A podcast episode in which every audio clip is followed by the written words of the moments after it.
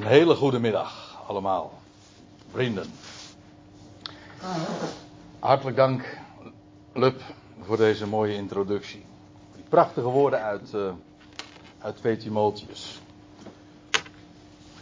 En die uh, steken ons inderdaad een hart onder de riem.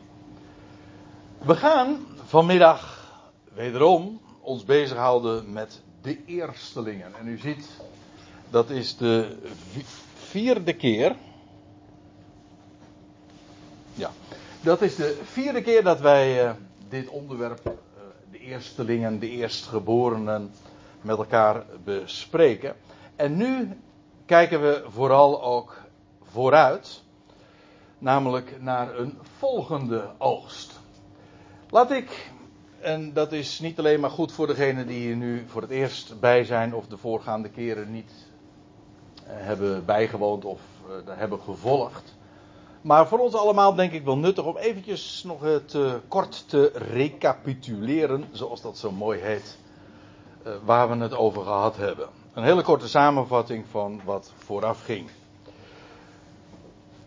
De eerste keer toen hebben we ons even met het onderwerp aan zich bezig gehouden. Wat betekent het nou een eersteling te zijn of een eerstgeborene? Die in de Bijbel zo uh, dikwijls voorkomen. En ook zo'n prominente, uh, vooraanstaande, en dat is haast een pleonasme, want ja, als je het over eersteling hebt, dan heb je het over vooraanstaand. Uh, een vooraanstaande plaats innemen. Een eersteling in de Bijbel krijgt altijd de hoogste bestemming. Of zal ik het eens anders zeggen, wat je vind het altijd erg mooi zoals het in de Statenvertaling staat weergegeven, nogal letterlijk. Daar staat er, al wat de baarmoeder opent, dat is van mij, zegt de Heer. Het komt aan mij toe, krijgt een bestemming uh, direct bij mij en op de hoogste plaats. En je zou het natuurlijk ook gewoon anders kunnen zeggen van, ja, in de Bijbel krijgt de eersteling altijd de eerste plaats. Maar als ik het zo zeg, dan ja, is dat een open deur intrappen, want een eerste is die krijgt niet alleen de eerste plaats, die heeft de eerste plaats. Die gaat voorop, die gaat vooraf aan anderen. Dat is de oudste. En uh, ja, degene die dus inderdaad uh, de baarmoeder opent, zoals dat dan heet, of de eerste is. En dus de eerste plaats inneemt, de, fir de first, de force, de vorst, de voorste, uh, zoals we dat in onze taal ook dan benoemen. De tweede keer hebben we ons uh, in het bijzonder bezig gehouden met, ja, dat lijkt mij wel heel terecht ook, met uh, wie de eersteling is enkelvoud. Namelijk Christus. Kan niet missen. Hij is namelijk de eerstgeborene uit de doden, maar ook de eersteling van de doden. Hij uh, stond ook op, op op de dag van de eerstelingsschoof. En dat is uh, een geweldige waarheid. Om dat je te realiseren dat God hem opwekte uit de doden. Uitgerekend op die dag die hij daarvoor al anderhalf duizend jaar tevoren had gereserveerd. Namelijk de dag van de eerstelingsschoof. De eerstelingsschoof van de gerstenoogst. Het was op die dag dat hij verrees uit de doden. En dat is uh, ongelooflijk uh, opmerkelijk. En helaas is dat in de vertalingen niet zo goed uit de verf gekomen. Omdat dan uh, alleen maar gezegd wordt van ja, het was de, de eerste, hoe staat het, de eerste dag van de week. Het was de eerste dag van de week. Maar dat doet zwaar tekort aan de eigenlijke betekenis. Het, is, was de eerste van de sabbattelling. En dat was dus de dag van de eerstelingsschoof. Het was een unieke dag in het jaar. Niet alleen maar een, de eerste dag van de week. Het is een unieke, alsof dat 52 keer, uh, 52 keer is het in een jaar de eerste dag van de week. Ja, maar het is maar één keer in het jaar de dag van de eerstlingsschoof. De eerste dag van de sabbatentelling. Dat is een heel ander verhaal. Nou, toen hebben we dat overdacht. En wat daar zo bijzonder aan is, is dat hij als eerste verrees uit de doden, definitief, dat wil zeggen, de dood ligt echt achter hem en leven voor zich. En hij, het feit dat hij de eersteling is, geeft aan dat de rest zal volgen.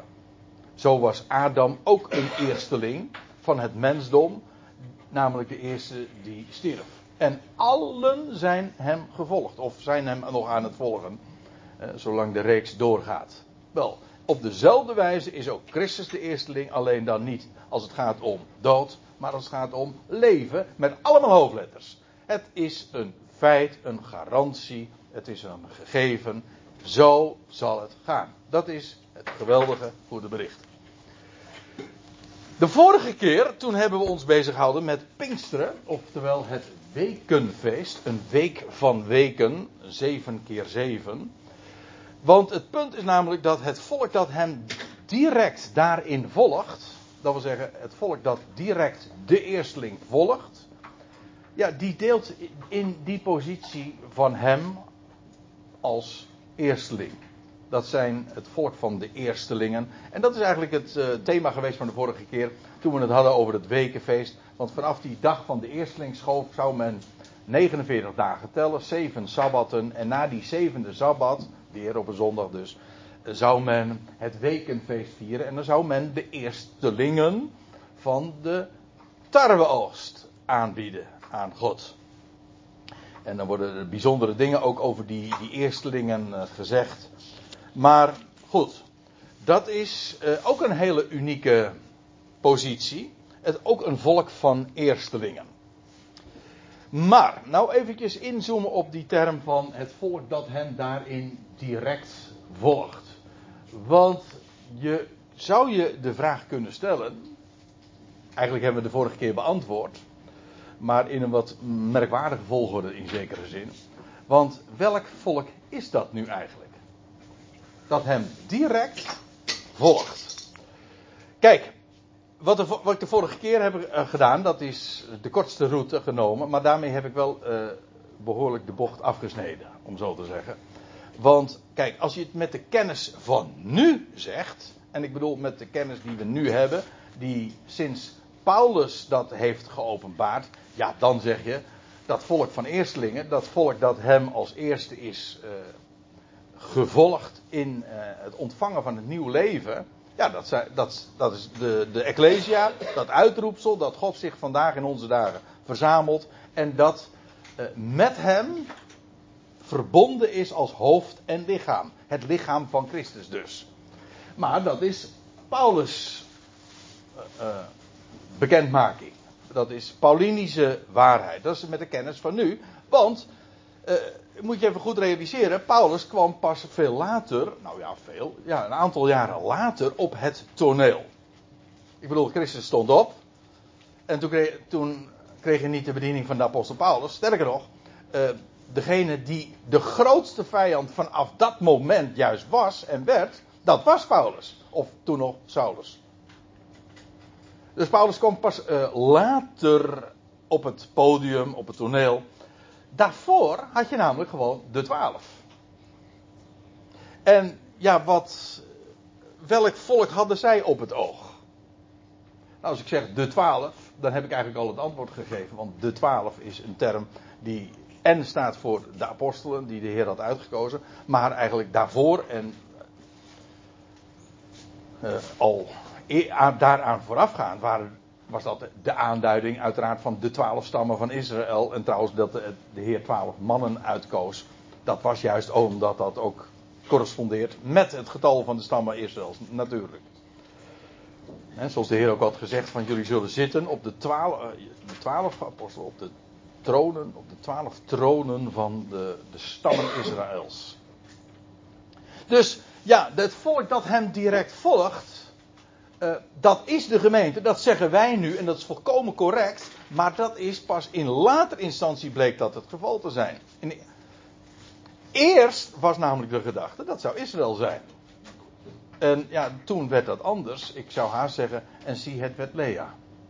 Het, maar dat is er, uh, het was niet, het, maar dat is het fenomeen waar we het ons ook al even mee hebben bezig gehouden als het gaat om eerstgeboorterecht uh, dat gaat altijd een andere route als dat je op voorhand zou denken.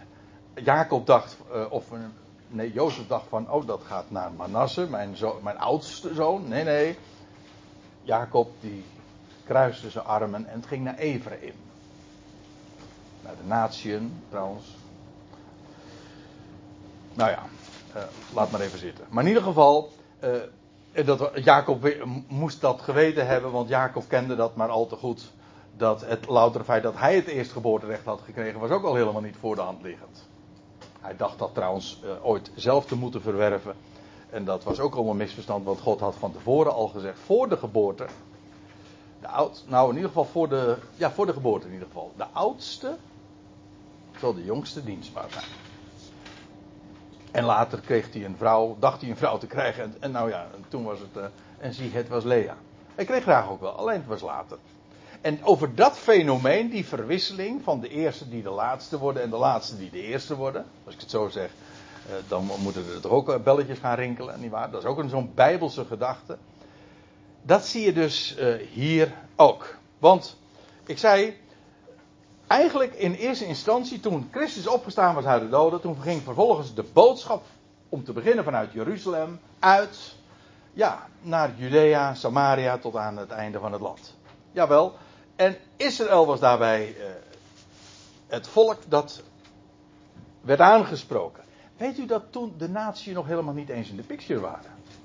Natuurlijk, de twaalf wisten ook wel van heel de wereld moet bereikt worden. Alle volkeren moeten gemaakt worden tot zijn discipelen. Maar eerst moet Israël zeggen, gezegend hij die komt in de naam van de Heer.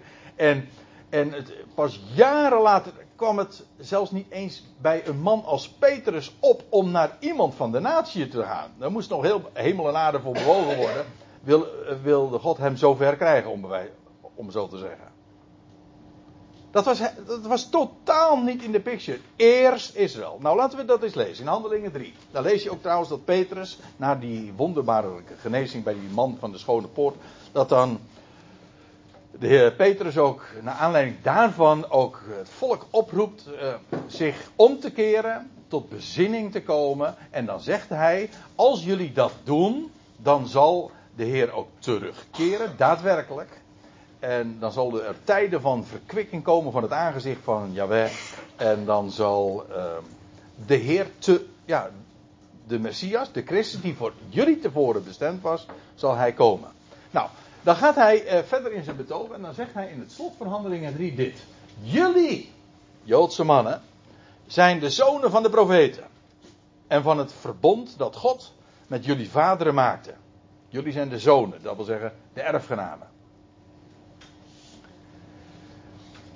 Zonen van het verbond dat God met jullie vaderen maakte, toen hij tot Abraham zei: En in jouw zaad zullen alle afstammelingen van de aarde worden gezegend. En dan staat erbij in vers 26: Voor jullie in de eerste plaats. Jullie, wie zijn die jullie? Dat, zijn, dat is Israël dus, hè? Dat zijn de zonen van het verbond van het voorgaande vers. Voor jullie in de eerste plaats deed God zijn jongen opstaan. Zijn knecht. Eigenlijk in het uh, Grieks is dat uh, gewoon jongen. Garçon, zeggen ze in het Frans. Dat is ook jonge knecht. In het Engels zeggen ze ook boy trouwens. Maar in, in het Grieks heb je datzelfde fenomeen. God deed zijn jongen opstaan. En hij vaardigde hem af om jullie Israëlieten, of zo u wilt, Joodse mannen, te zegenen. Dus in de eerste plaats, wie zou de eerste zijn? Wat is dat volk dat hem als eerste zou volgen in de opstand? Wel, de eerste en meest voor de hand liggende gedachte was, en er was geen spoortje van twijfel, op, tot op dit moment en later ook nog niet, uh, dat dat een ander volk zou zijn dan Israël. Voor hen in de eerste plaats deed God hem opstaan. En Israël zou hem daarin volgen. En dan staat er voor jullie in de eerste plaats deed God hem opstaan en vaardigde hem af om jullie te zegenen. De zegen is in de eerste plaats voor jullie en via jullie gaat het naar alles afstammelingen op de hele aarde. Dat is waar. Maar dat is via jullie. Ja, om jullie te zegenen in het afkeren van jullie boosheden. Dat wil zeggen, dat is, dat, uh, dat is Israëls bekering dus. Als jullie je afkeren van jullie boosheden, oftewel tot bezinning komen en je omkeren en de Messias alsnog aanvaarden, nu inmiddels de opgestane Messias, Wel, daarmee zou ook de terugkeer van de Messias en de Christus bezegeld worden. Zo zou God hen zegenen en daarmee ook vervolgens alle volkeren van de aarde. Maar ja, als ik het zo zeg, uh, voor jullie in de eerste plaats uh, deed God hem opstaan en God zou in de eerste plaats hen zegenen. En namelijk doordat zij zich afkeren van hun boosheden en doordat zij tot bekering komen. We weten precies ook hoe dat gegaan is in het boek Handeling. Eigenlijk is dat ook de, ja, de grote rode draad door het hele boek. Het ging niet zo. En dan eh, vindt dat zijn uiteindelijke dieptepunt bij de steniging van Stefanus. En pal daarop wordt, eh, vind je de roeping van Saulus van Tarsus. Als Stefanus, de kroon, wordt gestenigd. En dan, ja, dan is het eh, eigenlijk Saulus die daar al aan het warmlopen is, zeg maar. En inderdaad, het hoofdstuk daarop wordt hij inderdaad ook door God geroepen. En hij zou ook, dat zou trouwens nog weer een aantal jaren later zijn, een heel aantal jaren later, echt daadwerkelijk naar de natie gaan. En dat zie je in Handelingen 13 bijvoorbeeld, dat Paulus zegt, maar Paulus en Barnabas zeiden vrijmoedig, en dat was in de synagoge trouwens, dus in een Joodse omgeving, het was noodzakelijk dat eerst tot jullie het woord van God gesproken zou worden. Wie, wie nam de eerste plaats in? Na de opstanding van Jezus Christus. Wie zou het eerst bereikt worden? Wie zou het eerst gezegend worden? En wie zou als eerste dienen ook als kanaal van zegen voor de hele wereld? Israël. Maar nu staat er, het was noodzakelijk dat eerst tot jullie het woord van God gesproken zou worden. Maar omdat jullie het verstoten en jullie jezelf het Ionische leven, dat eeuwige leven, dat leven van die toekomende eeuw, niet waardig oordelen. Zie, wij keren ons tot de natieën. En nu krijg je dus een heel ander verhaal. Het is niet zo dat Israël komt tot bekering en dat via een bekeerd Israël gaat het heil naar de natieën. Nee, het is juist zo, Israël bekeert zich niet. En nu gaat het een, een omkeer, een, een U-bocht maken. En nu gaat het niet via Israël naar de natieën, maar gaat het juist buiten Israël om naar de natieën. Door hun val is het heil naar de natie gegaan. Niet door hun herstel, door hun bekering, maar door hun val.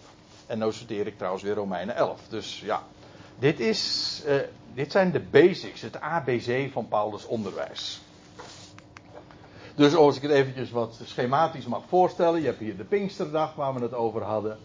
En uh, later krijg je dan in Handelingen 9 de roeping van Paulus. En daartussen ligt de prediking van de twaalf aan Israël. Bekeer je. En de Messias die zal wederkomen. Dat was de boodschap.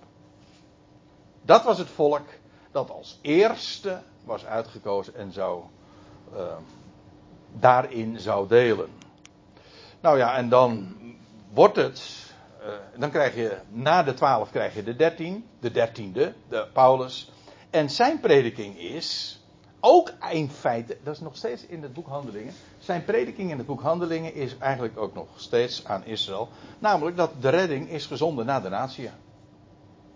Kijk, Paulus gaat naar de natie, maar het feit dat hij naar de natie gaat. En het feit dat God bijvoorbeeld wondertekenen onder de natie deed. Dat was ja. Waarom deed hij dat? Waarom deed hij wondertekenen onder de natie? In Handelingen 15 lees je precies waarom dat was. Dat was om Israël te overtuigen. Namelijk dat het naar de natie ging. Paulus moest aan Israël de niet erg geliefde boodschap, om niet te zeggen een vreselijk gehate boodschap, want als later Paulus dan in, Athene, in Jeruzalem is en, en, dan mag hij, dat was trouwens ook met Pinksteren, uh, dan mag hij zijn verhaal doen. En dan, zeg, dan, nou ja, dan horen ze hem aan. Totdat hij zegt van, uh, dat de Heer tegen hem had gezegd van, ga weg uit Jeruzalem. Ik, ga, ik stuur je ver weg naar de natie. En dan staat er, en tot dat woord hoorden ze hem aan. En toen de hele menigte, die barstte los, explodeerde toen ze dat hoorden.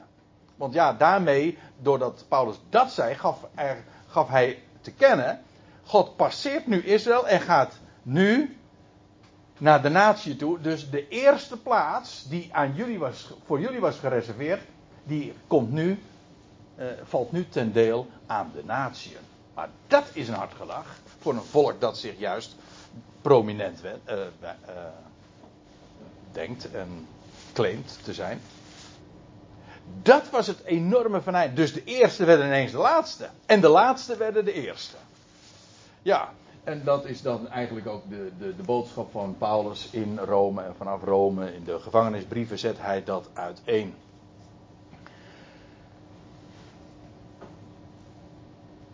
Zodat, uh, ja, dat is de waarheid van de Ecclesia, waarin de tussenmuur ook niet meer een rol speelt. Uh, die is afgebroken tussen Jood en Heide. Het verschil bestaat helemaal niet meer. Israël is eh, gewoon een van de naties geworden.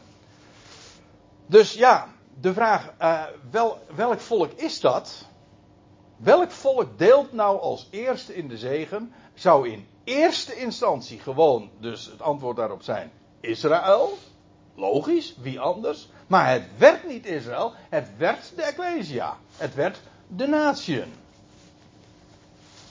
En dat is, zoals gezegd, de rode draad in het boek eh, De Handelingen. En ja, het grote onderwerp ook in Paulus' bediening. Maar nu, dit was eigenlijk min of meer nog inleiding, want ik ga u nu vanmiddag iets vertellen. En toch is Israël eerste vrucht. Is Israël wel degelijk een volk van eerstelingen. Toch.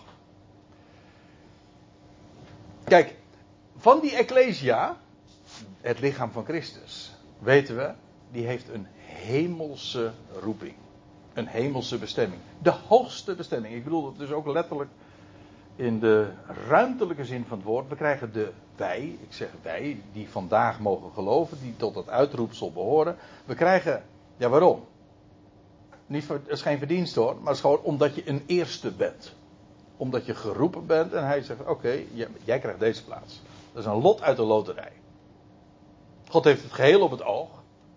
Dus heel het mensdom komt. Maar er is wel verschil in rangorde. En die rangorde is feitelijk niks anders dan volgorde. Dat is wat ik eigenlijk net ook in het begin bedoelde te zeggen.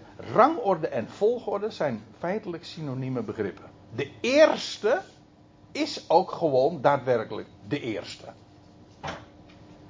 Hoezeer het dan ook weer kan uh, wisselen, dat, dat maakt het misschien dan toch nog wel even complex. Maar niettemin, uh, de eerste krijgt de hoogste bestemming. Dat volk dat vandaag verzameld wordt, ja, dat is de Ecclesia. En die krijgt dus de hoogste bestemming, namelijk in de hemel. En toch is Israël wel degelijk, en dat blijft het ook, een volk van eerstelingen. Hoe kan dat? Wel, omdat Israël nadat dit project, als ik, zo, als ik het zo mag zeggen, deze fase van in Gods plan uh, voltooid is, en die Ecclesia wordt dan inderdaad tot hoger heerlijkheid, uh, hoe is het, uh, bevorderd, ja? bevorderd tot heerlijkheid, een de hoogste bestemming krijgt, die wordt weggerukt tot God en zijn troon. Dan krijgt ze inderdaad die plaats, daarboven. Ja, en dan gaat God weer de draad oppakken, alsnog, met Israël. Ja, met de volkerenwereld, maar dan begint hij bij Israël. Toch weer. En laat ik eens uh, een citaat geven uit Jacobus. Dat is een van, waarschijnlijk, dat is algemeen hoor, dat kunt u zo ook teruglezen in de verklaringen. Maar uh, vermoedelijk is dat zelfs de eerste brief van het Nieuwe Testament. De Jacobusbrief. Jacob, zijn naam, hij was een broeder van de Heer, naar het vlees. En hij had onder de twaalf eigenlijk een hele hoge prominente functie. Nadat de Jacobus van de twaalf overleed, kreeg Jacobus, de broeder des Heren, de plaats in Jeruzalem eigenlijk. Ja, de hoogste, de hoogste plaats. Heel eigenaardig fenomeen, maar hij heet dus Jacob. En hij schrijft een brief aan de kerk. Wordt meestal dan gezegd of gedacht Nee, dat is niet zo. Jacob, schrijft een brief, jawel, maar die adresseert hij ook, niet zomaar in het wilde weg, aan de twaalf stammen. In de verstrooiing, maar aan de twaalf stammen. En dan schrijft hij aan hen.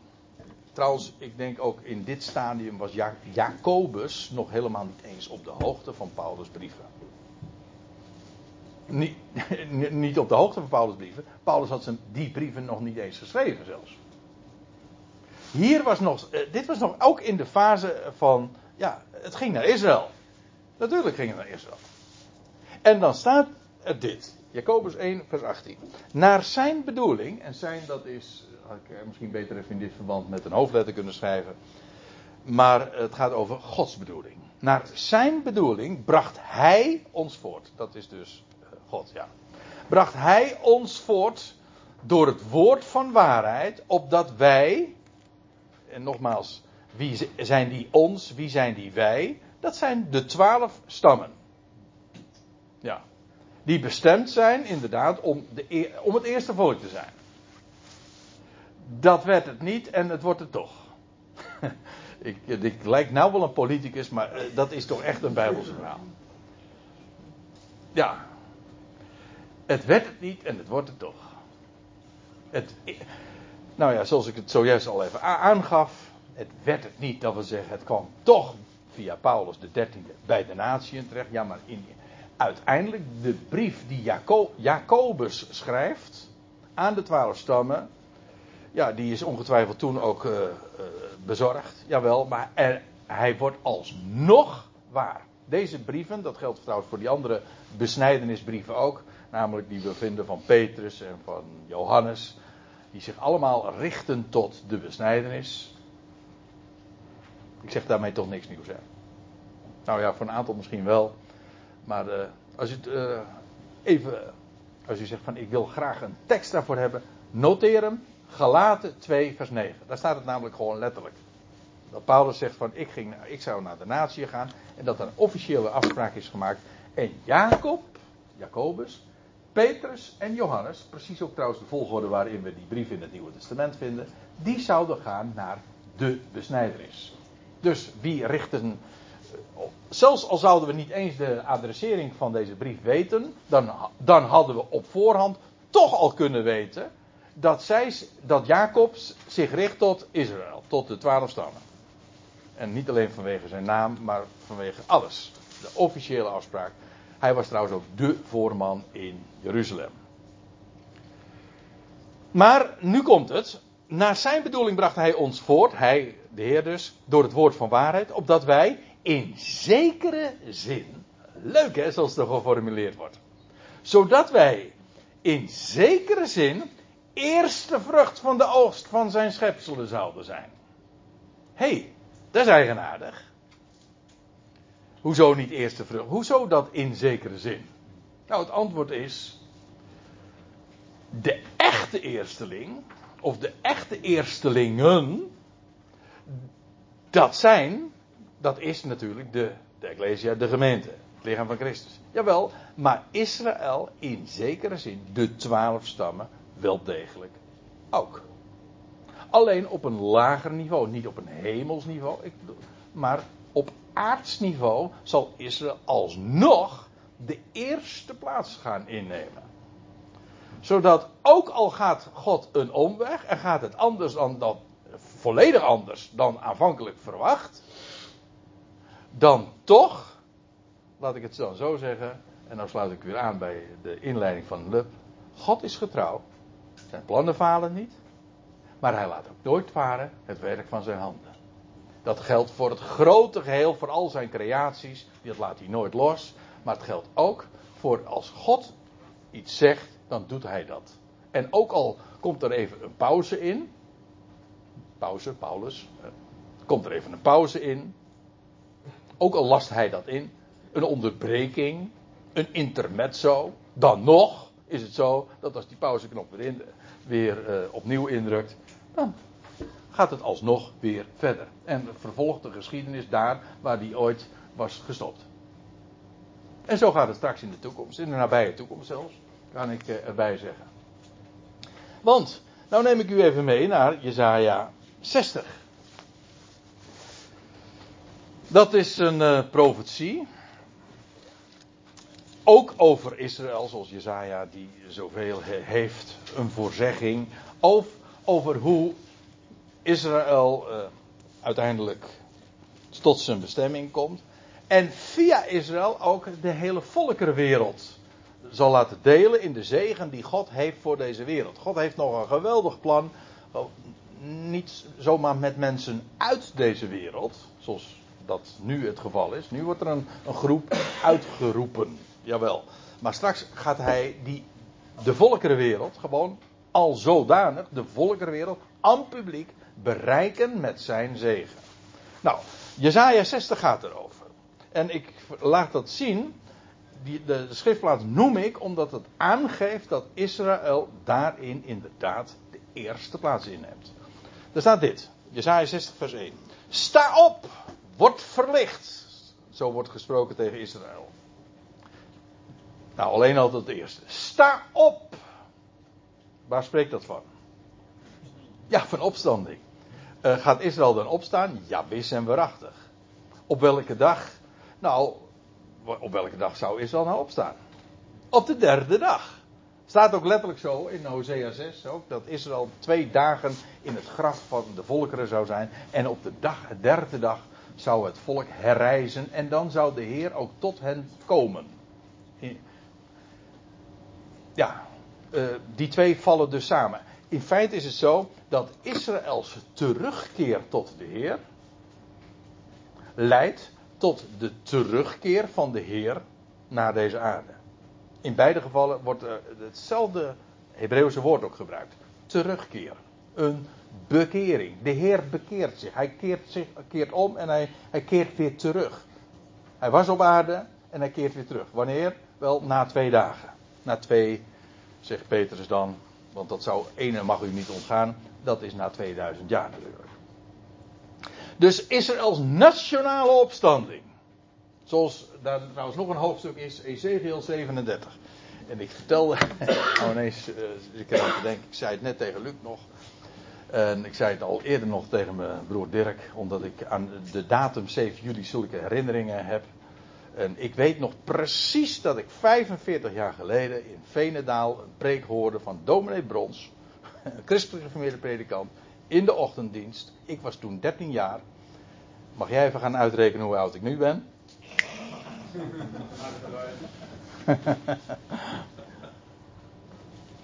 en toen was ik uh, op een jeugdkamp van de Christelijke Kerk. En toen heeft deze dominee Brons over Ezekiel 37 gesproken. Ik weet het nog zo goed. Ja, het was ook de dag inderdaad dat in de middag Nederland moest spelen tegen West-Duitsland. En smartelijk verloor. Maar goed. Ja, 74. Maar wat mij nog bijstaat is dat de dominee toen sprak over Ezekiel 37. Alleen hij zei van dat deze preek of deze, dat Bijbelgedeelte gaat over dat God dode zondaren tot leven wekt. Maar het gaat niet over dode zondaren, het gaat over Israël. Deze beenderen, zegt de profeet dan, zijn het gehele huis Israëls. Nou ja, ik noem het eventjes omdat ik. Uh, ik vind het eigenlijk wel apart dat ik nou op 7 juli uh, daar toch nog even aan refereer. Sta op, opstanding. En wat Paulus zegt in Romeinen 11, indien hun verwerping de, de verzoening der wereld eh, is, de verzoening der wereld, ja, wat zal hun wederaanneming dan anders wezen dan leven uit de doden? Maar dat is wat profeten juist al, ook hadden gezegd. Namelijk dat Israël zou leven uit de doden. Nou, Israël zal opstaan, inderdaad. Gewoon getimed na die twee millennia, na twee dagen. Dus dat gaat binnenkort gebeuren. Daarom, uh, het is geweldig om dat vandaag ook te mogen ja, te realiseren. Sta op, word verlicht. Want ja, als, als daar leven is, dan is daar ook licht. Licht en leven, eh, het licht van het leven. Word verlicht, want uw licht komt. Oftewel, ja, de dag hoe was het ook alweer? De derde dag breekt aan, dat is na de nacht. En dan breekt het licht door, de zon komt op en uw licht komt en de heerlijkheid van Yahweh gaat stralend over u op, Israël. Je zal opstaan, de nacht is voorbij en heerlijkheid en licht en leven, dat is wat God voor jullie heeft weggelegd. En jullie zullen dat ontvangen. Want, en ook nou komt mijn, mijn punt ook dat Israël daarin een eerste plaats inneemt, want er staat erbij. Want zie, duisternis zal de aarde bedekken en donkerheid de volkeren. hey, Dus hier wordt aan de ene kant gesproken over Israël dat opstaat en het, en het licht gaat over hen op. Maar terwijl dat zo is, zal over de volkerenwereld duisternis gaan. Of nog steeds de duisternis blijven. Het is eigenlijk om, het is, het is anders. Het is zo, voor Israël komt gewoon het eerst uh, het licht op.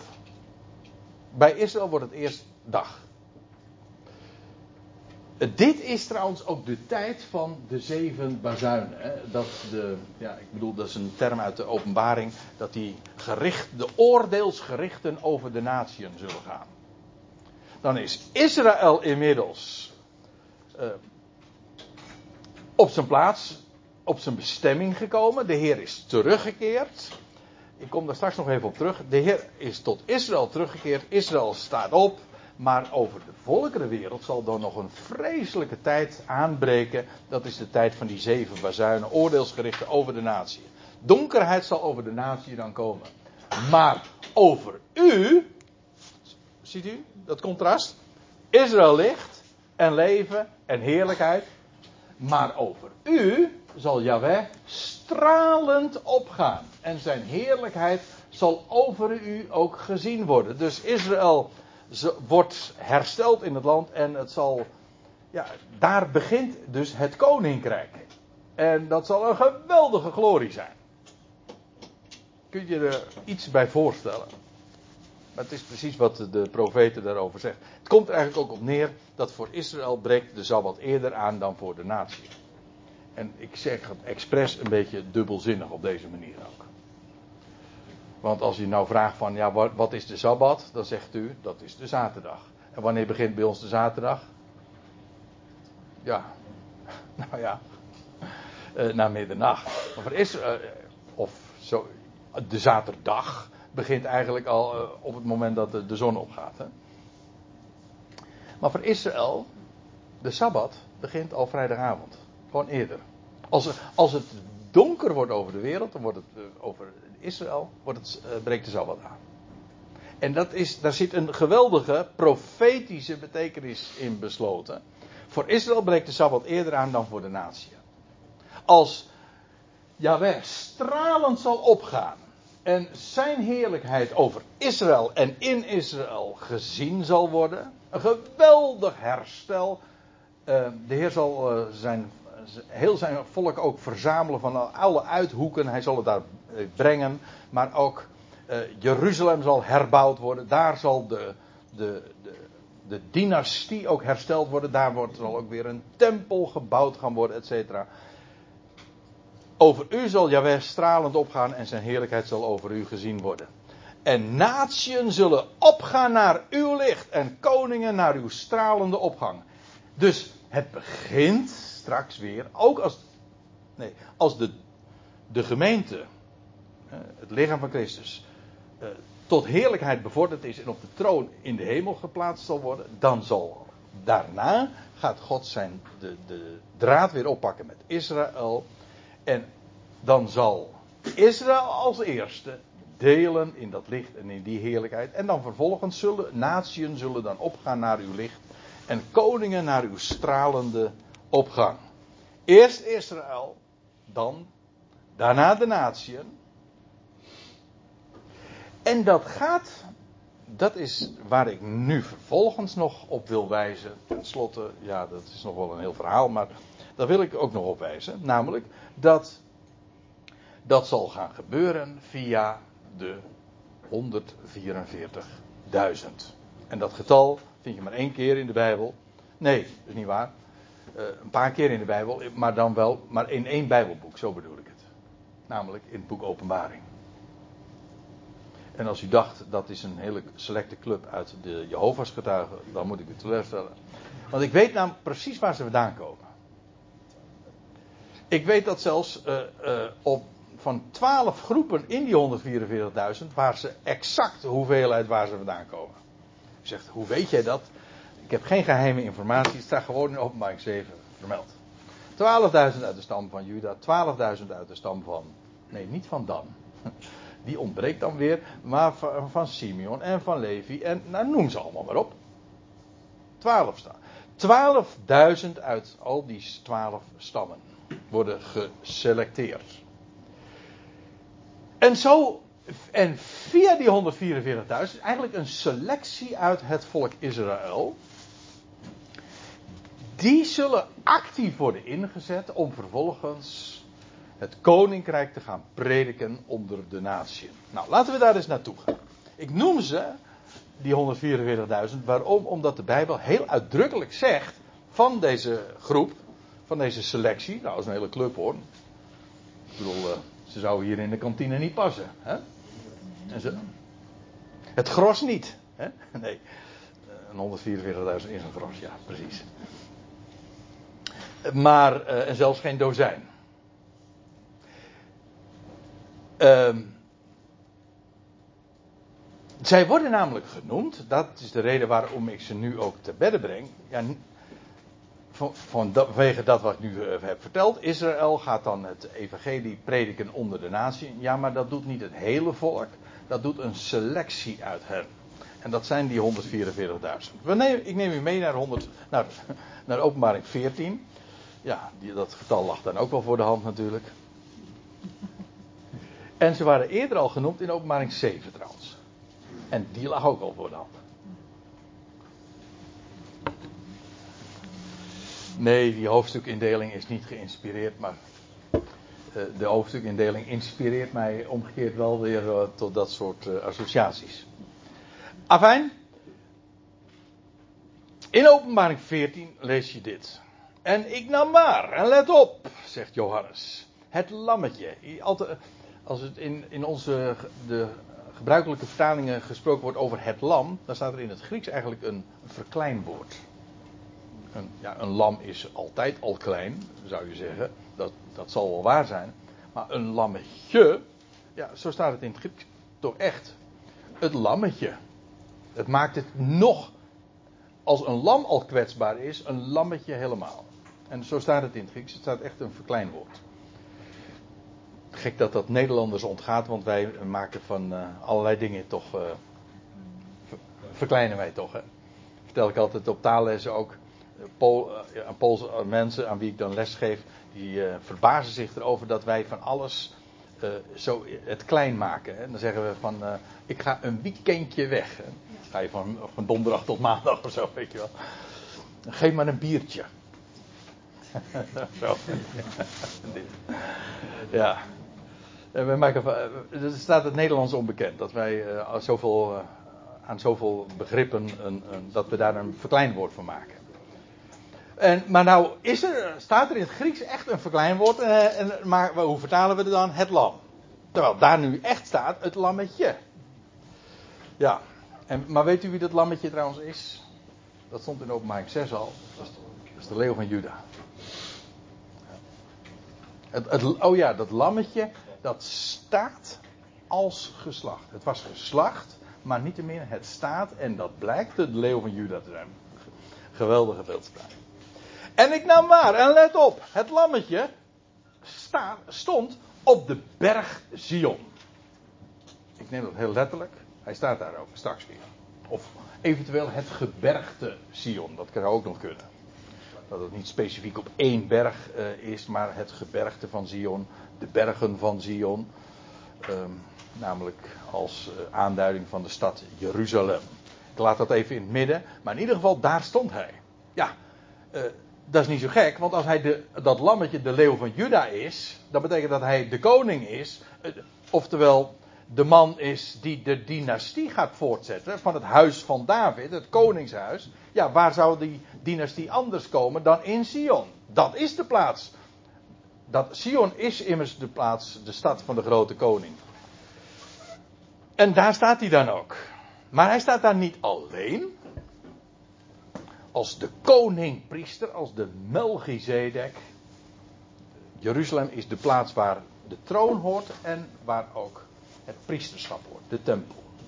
Dus waar koningschap en priesterschap verenigd zijn. Geen scheiding van kerk en staat meer. Nee, nee. Gewoon koningschap en priesterschap in één persoon, in één plaats. Maar dan niet in Babel, maar in Jeruzalem. Alsjeblieft. Ik nam maar, en let op, het lammetje stond op de berg Sion. Ja, waarmee dus gezegd is, de Messias is inmiddels voor Israël teruggekeerd. En zijn koninkrijk is daar gevestigd. Daar staat hij dus.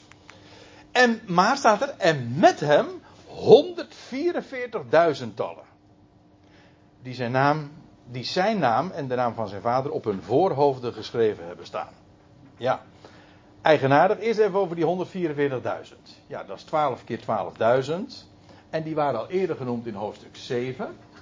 En ja, ik, ik weet niet of ik nu eh, te veel zeg, maar dit is eh, van groot belang om, om het te verstaan. Ook om het in de, in de chronologie, in de, in de opbouw uh, en in de tijdlijn ook te kunnen plaatsen. Want openbaring 7 volgt op openbaring 6. Ja, die snappen we allemaal nog wel. Maar in openbaring 6 daar worden zes zegels geopend. Zes zegels van een boekrol. En dan bij het zesde zegel lees je dat de zon en de maan en de sterren worden verduisterd. En dat is een heel belangrijk aanknopingspunt, want dat is namelijk precies ook het teken uh, van dat de Heer zal verschijnen aan Israël. Het zesde zegel valt samen met de verschijning van de Heer aan Israël of de verschijning van hem op de Olijfberg. Die bij die gelegenheid ook zal scheuren enzovoorts. Maar het is de verschijning aan, aan Israël. En wat lees je dan? Wat er gebeurt? En kijk het maar na in Matthäus 24. Als de Heer zal verschijnen op de Olijfberg. Die gaat dan scheuren. Maar dan gaat hij vervolgens heel het volk verzamelen van alle uithoeken van de aarde. Dus Israël wordt teruggebracht. Eigenlijk eerst in de woestijn. En dan via de woestijn keert men dan, net zoals ooit destijds na de Exodus. Keren ze via de woestijn, via de King's Highway, de koninklijke weg, via de Jordaan enzovoort, weer terug naar Israël. Wonderlijk. Dus eerst wordt Israël uit het land gebracht. En vervolgens worden ze in de woestijn verzameld. En via de woestijn een grote optocht. En de Heer aan een spits. En hij brengt hen in het land. En nou gaat het er even om. Dan wordt er, dat, dan wordt daar een, een, volk. Er wordt een, dat lees je ook in openbaring 7. Dan, dan wordt er gezien een grote schare uit alle volkeren, talen en naties. Ja, dat is dat Israël. Dat verzameld is. Een enorm grote schare wordt verzameld. En, maar uit die grote schade, die niemand tellen kan, staat er nog bij, wordt vervolgens een, een selectie gemaakt.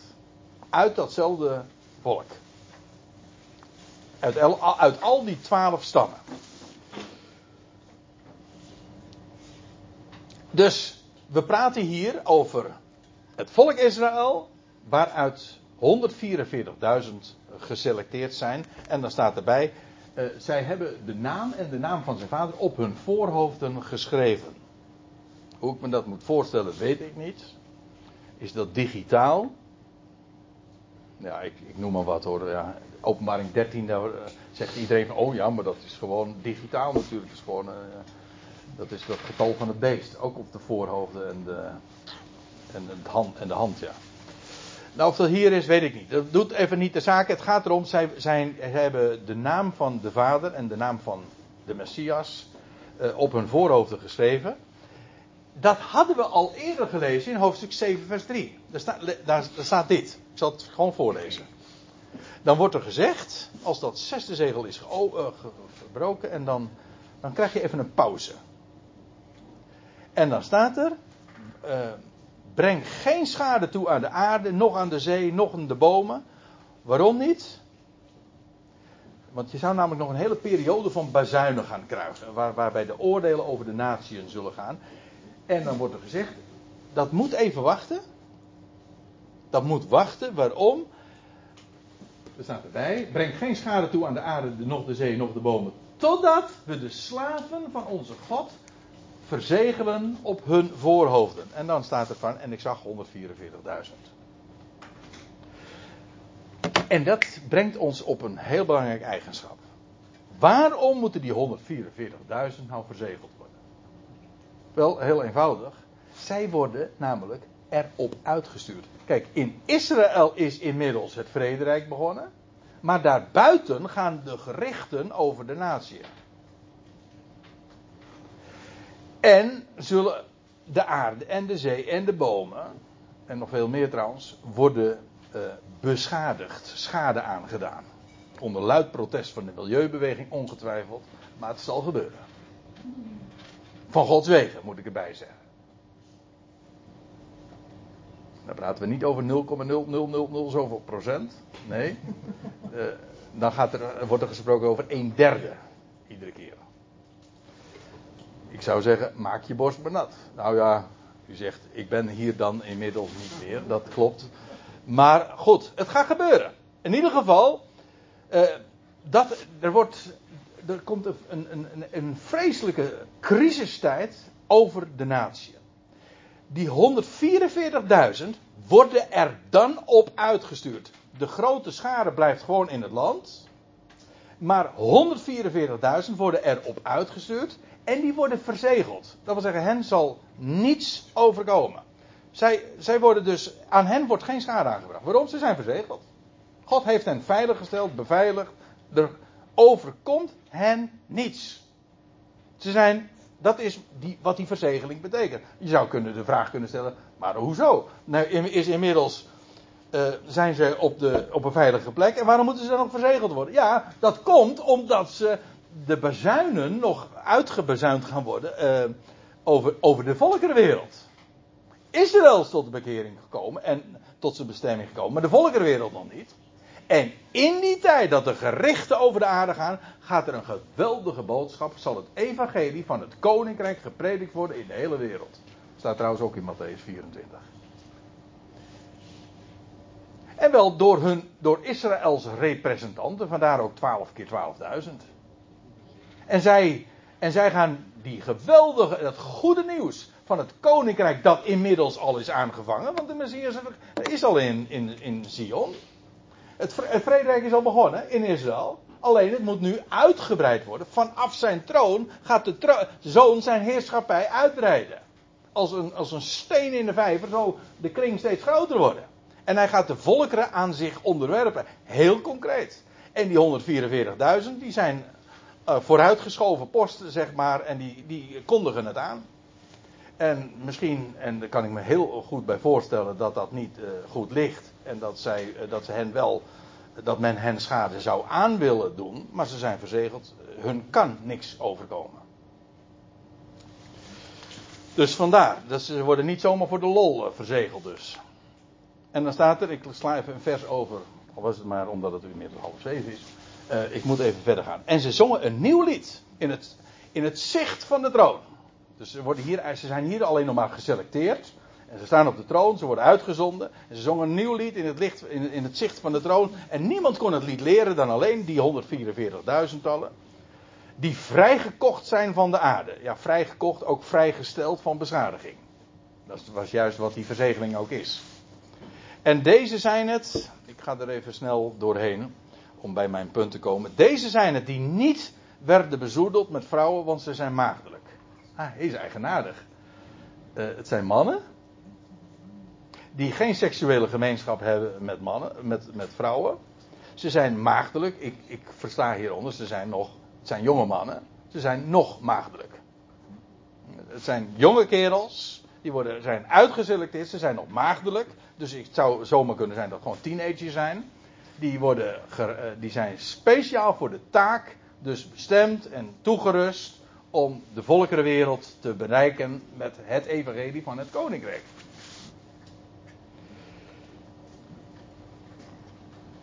En deze zijn het die het lammetje volgen, waar het ook heen gaat. Want ze worden nu eigenlijk inderdaad als uh, ja, in het hol van de leeuw gestuurd.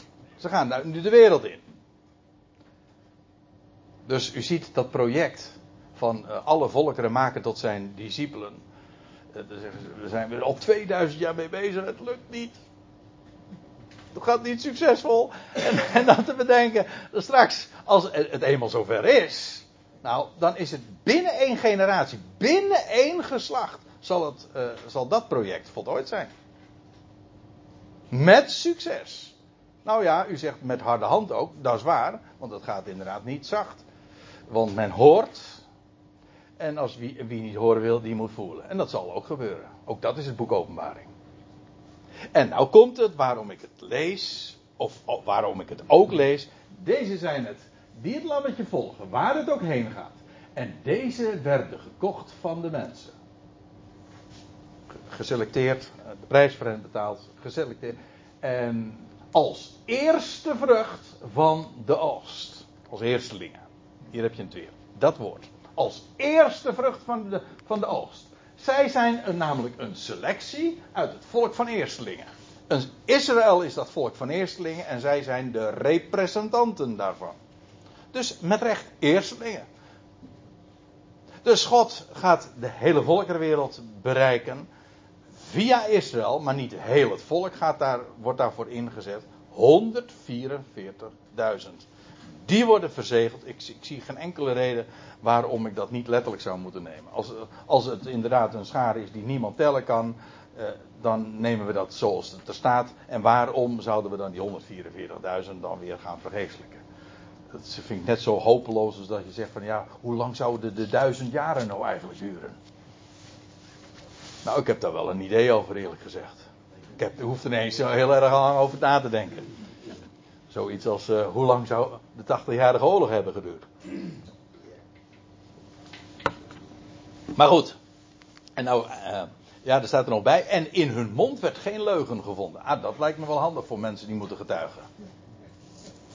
Ja, ze zijn geschikt om van de waarheid te getuigen van het, het evangelie van het koninkrijk. Dat is niet wazig, dat is concreet. Werkelijk een koninkrijk, een dynastie. In Jeruzalem, in Sion. Daar staat de troon. En hij regeert en dat wordt dan wereldwijd bekendgemaakt. En door mensen die daarvoor geschikt zijn. In hun mond werd geen leugen gevonden. Daarvan zullen ze getuigen. En ik eindig met dit gedeelte. En ik zeg dat zonder al te veel toe te lichten. Want er staat in Deuteronomium 28 dit. Yahweh, wordt gesproken tegen Israël. Yahweh zal voor u zijn goede schatkamer openen. Wat is dat? De hemel. Om aan u, aan uw land regen te geven te zijner tijd. Niet door irrigatie wordt dat dus, door hele knappe werken wordt dat allemaal tot stand gebracht. Nee, door regen. Regen van de hemel. Alle zegen komt van boven. Om u te zegenen. Om, pardon, om te zegenen al het werk van uw hand. En u zult aan vele volkeren uitlenen zonder zelf te lenen. Dat wil zeggen, Israël, die geeft maar. Waarom? Omdat ze zoveel heeft. Omdat ze zo'n rijke God hebben. Met een schatkamer. En die zet ze open. En, en Israël geeft maar. Israël wordt niet voor niks de navel van de aarde genoemd. Hè? De navel is de plaats waar voeding door doorgaat. Hoe krijgt de aarde, hoe krijgt de volkerenwereld haar voeding? Nou, via Israël.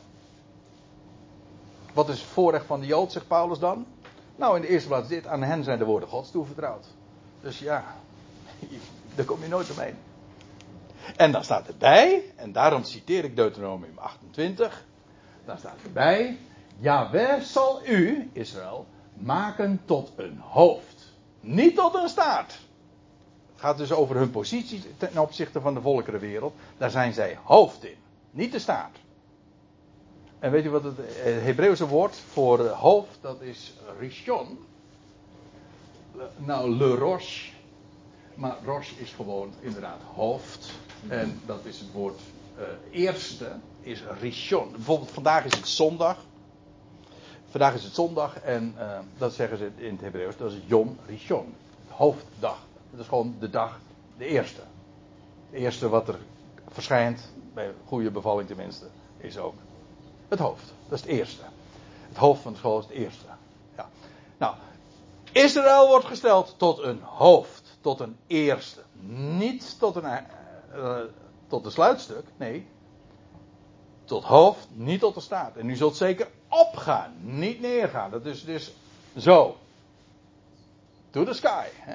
En de, de opwaartse richting. Wanneer u zult luisteren naar de instructies van Yahweh, uw God, die ik u heden instrueer om in acht te nemen en te doen. Dit gaat trouwens straks ook in, letterlijk in vervulling, want dan gaat de bedekking weggenomen worden van het oude verbond. En dan zullen ze zien wie wat er allemaal in die schriften staat genoteerd en geschreven. En daar zullen ze acht op geven. En dan zal de, dan zal de bedekking worden weggenomen, ook van hun hart, en ze zullen het zien. Dan zullen ze luisteren. En dan komen zij ook in hun positie. Dus doordat men luistert en gelooft in het woord van God. En zo wordt Israël alsnog, toch, de eerste. Ondanks het feit dat aan ons de allerhoogste plaats is gegeven in de hemel, wordt aan hen de hoogste plaats gegeven op aarde. En dus zijn ze in zekere zin toch wel degelijk een volk van eerstelingen. En daar is nog veel meer over te vertellen, maar dat gaan we niet doen, want het is hoog tijd om een punt te zetten achter uh, dit alles. Maar het zijn mooie dingen om eraan te denken dat, we, dat dit allemaal in de nabije toekomst een beslag zal gaan krijgen, nietwaar?